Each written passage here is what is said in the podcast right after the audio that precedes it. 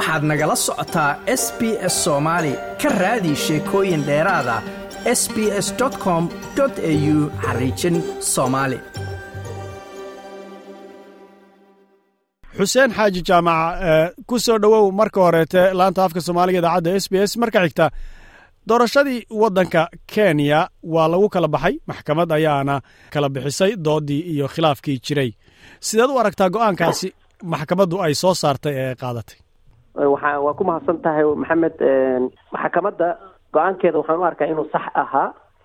Waxaa yeelay doorashada waxay ka dhacday polling stationska.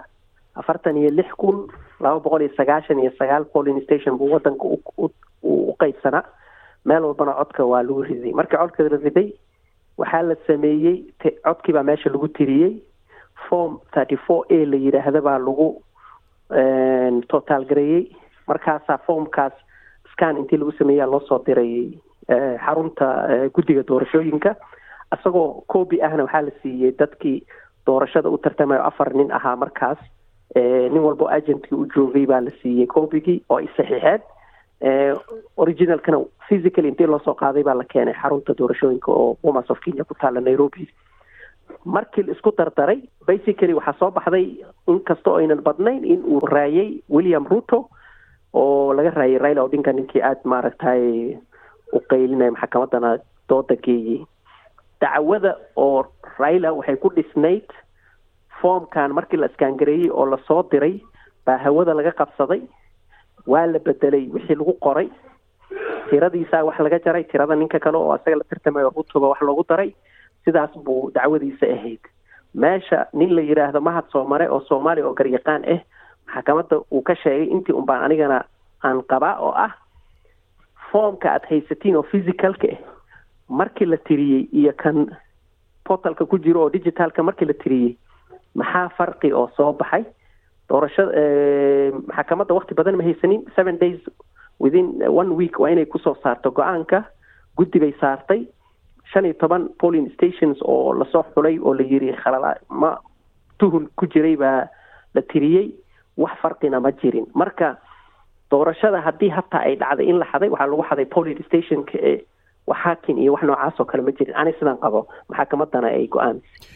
Si fiican kenya haddaan si kale haddana u dhigno su'aasha taariikh qalalaasooyin ayay soo martay hadda ka hor oo doorashooyin ka bilowday. Go'aankan iyo sida loo wada qaatay ee mas'uuliyiintii ay ugu hoggaansameen kuwii laga guulaystay iyo kuwa guulaystayba maa macnahaan maxay ka dhigan tahay? Marka la akriyo ama la fiiriyo? Political maturity la gaaray. Siyaasada waa loo bislaaday. Wadanka oo dhan siyaasiyiinta iyo rayidkaba waa bislaadeen. Bay tusaysaa. laba kun iyo sideedkii baa doorasho muran sanoo kale u galay la galay. Waa la isdagaalay ilaa iyo kun qof baa meesha naftooda kuwaay ku geeriyooday. Bacda that twenty twelve doorashaa la gaday. twenty seventeen doorashaa la galay. Mid walba qalalaasi iyo waxaa ka dhacay muran. Laakiin twenty iyo twenty seventeen waxay ku duwanaayeen constitutionka cusub oo twenty ten ayaa lagu dhaqmayey oo dhahayo madaxweynaha lama dhaarin karo ilaa maxkamadda intii la tago lagu kala baxo. Qolada dacwada qabta seven days ay haysadaan maxkamadana toddoba kale ay haysa taasoo afar iyo toban beri buu haystaa. Madaxweynaha maalinka lagu dhawaaqa inuu guulaystay ilaa maalinka la ay inta la dhaarinayo waa in la siiyo at least afar iyo toban beri. Marka taas geedigaas iyo socodkii laga soo socday two thousand eight ilaa iyo twenty twenty two taasaa keentay in la hogaansado. Leanna hadda waxaa la ogaaday meel loo noqdo oo lagu kala bixi kara ayaa jiro. Nimankan kalena waxaa siiyey aada kalsooni. twenty seventeen madaxweyne afrikaan oo xukunka markaa hayo oo doorasho labaad galay baa la maxkamadda ka xukunta oo la yiri sida doorashada loo qabtay sax ma ahayn ha lagu celiyo. Marka aada iyo aad bay kalsooni u lahaayeen. Dabcan may haysanin siday hadda muuqato qodob fiican oo cuskadaan. Marka maxkamaddii waxay tiri doorashada siday u dhacday sax bay ahayd. Midda kale oo keenaysa in loo wada hogaansado waxay ahayd ruto. Hadda oo madaxweynaha hadda asaga electa ah iyo dadka uhuru oo hadda ka tegayaba labadoodaba i c c baa la geeyey maxkamadda caalamkaa la geeyey marka ninkii isla dhaqaajiyey xoogaa wuxuu yar ka yara baqayay in maxkamadda caalamka la soo taagi karo. Marka qof walbaba gadaal buu yara isu yara dhigay. Aad iyo aad. Dhinaca kaleete haddaynu fiirino madaxweynaha jagada ka sii degaya uhuru kenyatta. Markii natiijada lagu dhawaaqay macnaahaan aqbalitaankiisi uu aqbalay laakiin uma uusan hambalyaynin uma uusan hambalyaynin madaxweynihii la doortay magaciisana ma sheegin markii uu hadlayey ama uu hambalyada sheegayey si kale oo si dadka guulaystay baan u hambalyeynayaaba iyuu hadalkiisu ahaa. Maxay ka dhigan tahay madaxweynuhu inuu weli uusan madaxa uu weli uu meermeerinaya hambalyada? Dabcan madaxweynaha way iska caddayd oo wax u qarsanaya ma ahayn in uu rayla la jiro. Deputigiisa uu isdagafeen uusan la jirin uusan maaragta aada iyo aad iskugu dayay inuu ka hor istaago inuu madaxweyne uu noqdo. Haddana markii maxkamadda ay ku dhawaaqdayna sidaad sheegtay muusan u hambalyeynin laakiin macno weyn ma samaynayso. Talaadada oo dhowr maalmood laga xigta hadduu ilaahay idmo si official baa loo dhaarinaya madaxweynaha xukunkana uu ka wareegaya. So basically wuxuu haystaa hadda laga bilaabo janbury waxaan dhammayn meelahaas hadduu ilaahay idmo. Marka maybe uu caraysan yahay. Intaasun baan dhihi lahaa aniga aad iyo aad aad iyo aad.